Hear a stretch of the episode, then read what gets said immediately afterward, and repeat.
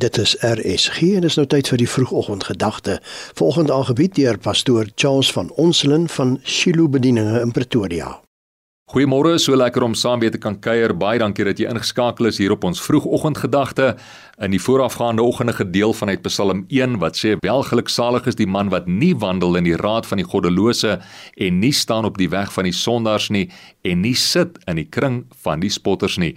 Maar sy beha is in die wet van die Here en hy oordink sy wet dag en nag.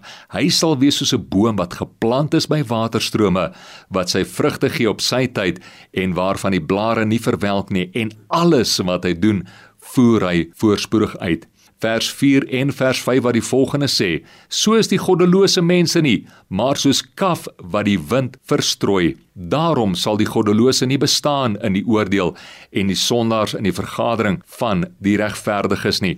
Nou, hierdie is nie iets waaroor ons graag wil gesels nie, Maar die realiteit is daar is 'n plek van afsnyding. Daar is 'n plek wat 'n warm plek is.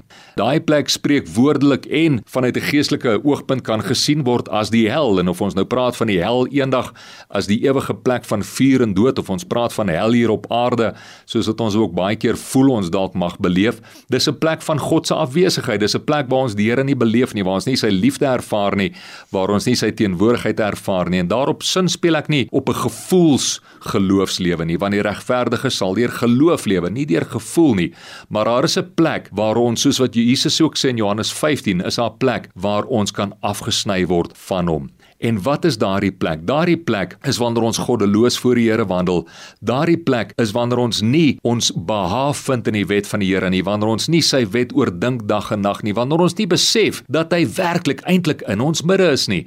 Dink bietjie daaraan en ek praat nou nie van die ewige hel nie, maar dink aan daai konsep van hel hier op aarde, net daardie plek van waar ek voel my ek's nou alleen, ek gaan deur al hierdie moeilike dinge alleen, die Here is nie naby my nie. Voel dit nie baie keer asof dit 'n verwydering is van God en dalk selfs dan nou hel op aarde soos baie mense dalk mag beskryf nie. Dis 'n plek waar ek voel maar God is nie by my nie, maar die realiteit is God is altyd by ons.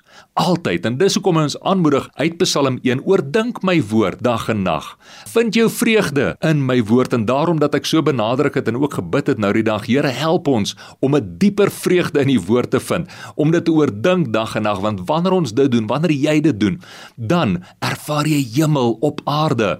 Dan ervaar jy die teenwoordigheid van God in sy liefde op 'n werklike wyse en daarom wil ek jou aanmoedig, staan vas in die realiteit van God se liefde dat hy jou so liefgehad het dat hy sy eniggebore seun gegee het vir jou en dat hy sy woord ook vir jou gegee het dat deur sy woord jy kan indrink en kan weet dat hy met jou is en jy nooit ooit begewe of verlaat nie. Ervaar hemel op aarde vandag. Dit is moontlik vir jou in jou lewe. Here, dankie vir u kind. Ek seën hulle nou met hemel op aarde in die naam van Jesus Christus. Dit was die vroegoggendgedagte hier op RSG, aangebied deur pastoor Charles van Onselen van Shiloh Bedieninge in Pretoria.